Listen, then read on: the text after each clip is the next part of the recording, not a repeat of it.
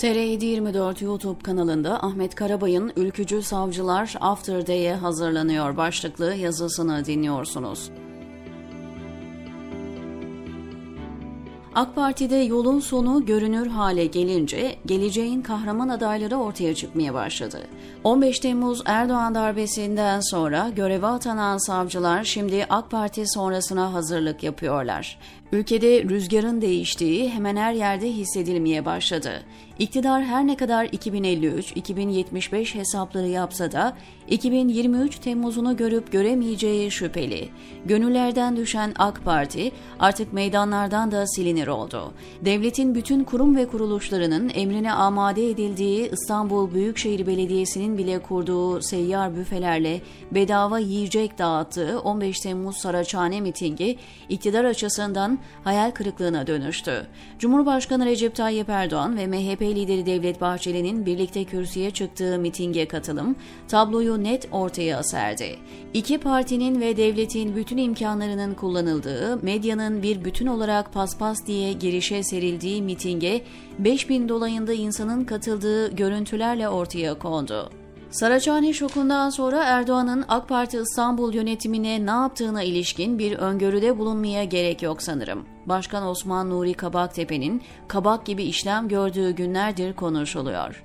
İstanbul İl Yönetimi 15 Temmuz Saraçhane meydan hezimeti yaşadıktan sonra yaraları sarmaya gitmişti. Önlerinde 22 Temmuz'da yapılacak Eyüp ilçesindeki toplu açılış vardı. Bunun iyi bir fırsat olacağı düşünüldü. AK Partili kadrolar iş güç gösterisi olunca işi hafife almazlar. İtibardan tasarruf edilmez diyen bir liderin takipçileri olarak onlar da gerekeni yapmaya koyuldular. Gün olarak cuma günü belirlendi. Saat ve yerse özel önemdeydi. Eyüp Sultan Camii'nin çevresi açılışlar adı altında miting yapılacak alan olarak belirlendi. Ancak il başkanlığının ve Eyüp Belediyesi'nin bütün gayretlerine rağmen sonuç yine hayal kırıklığı oldu. Yaşanan umutsuz tablo İslamcıların iyi gün dostu olarak tanıdıkları yazar Abdurrahman Dilipağ bile hayal kırıklığına uğrattı. Dilipağ hüznünü sosyal medyadan paylaştı. AK Parti'de ne oluyor? 15 Temmuz'da Fatih'te, bugün Cuma çıkışı Eyüp Sultan'da, cami çıkışı meydanda bir avuç insan. Ne oluyor? Bu olanlara bir anlam veren var mı?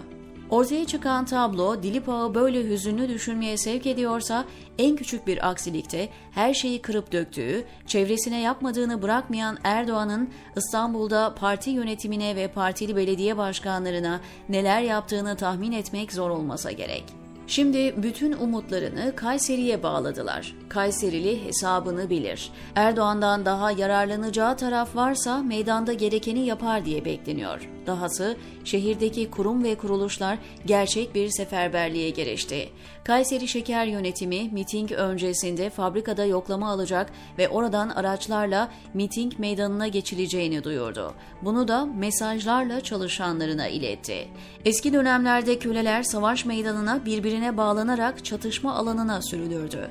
Zoraki savaşçıların kaçmaması için başvurulan bir yöntemdi bu. Günümüzde ise AK Parti'nin köleleştirdiği toplum miting meydanlarına yoklama alındıktan sonra götürülüyor. Şehir iki gün önceden görülmedik bir şekilde donatıldı. 24 Temmuz Kayseri mitingi için belediyeler ve valilik günlerdir işi gücü bırakıp Erdoğan'ı memnun edecek bir tablo sunmaya çalışıyor. Bütün bunları şunun için paylaştım. Toplumda ters esen rüzgarı bütün kesimler görüyor. Yakın zamana kadar muhalefet partilerinin adının bile anılmasına tahammül edemeyen iş dünyasının önemli isimleri şimdi diyalog kanallarını zorluyor. Tablo böyle görünür de bu ülkenin yargı mensupları farklı davranır mı? AK Parti yönetiminin tek adamlığa dönüşmesinden sonra bir gecede görevlerinden alınarak cezaevlerine doldurulan hakim ve savcıların yerine ülkede ne kadar iş yapamayan iktidar ortağı partilerin çevresinden geçinmenin yollarını arayan avukat varsa tamamına yakını hakim ve savcı yapıldı. Bu hakim ve savcılar seçme kadrolar. AK Parti ve MHP'nin özel testlerinden geçen isimler olarak belirlenip gönderildi. AK Parti'nin yıldızının söndüğünü gören ülkücü hakim ve savcılar çevrelerine yeni dönemde neler yapacakları bilgisini pompalamaya başladılar. Bu kadroların söylediklerinin özeti şu. Biz AK Parti'nin en tepeye kadar neler yaptığını biliyoruz. Bunlara ilişkin bütün dosyaları hazırlıyoruz. Belirli gruplar oluşturduk. Yapılan her şey incelenip soruşturmasını büyük ölçüde tamamladık. Bunları özel USB'lerde muhafaza ediyoruz. Yeni dönem başladığında açılacak dosyaların adı doğrudan vatana ihanet davaları olacak.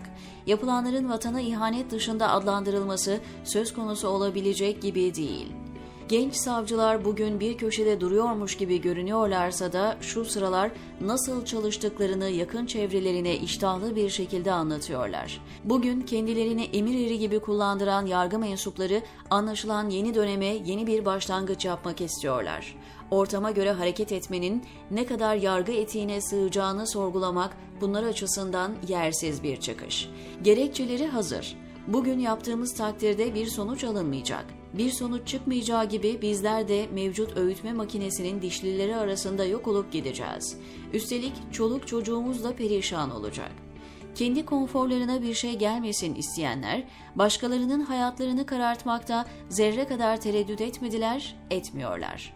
Yeni dönem başladıktan sonra size ne ihtiyaç kalacak gibi bir soru da maalesef doğru değil. Hukuk bir süre onların elinde işleyecek.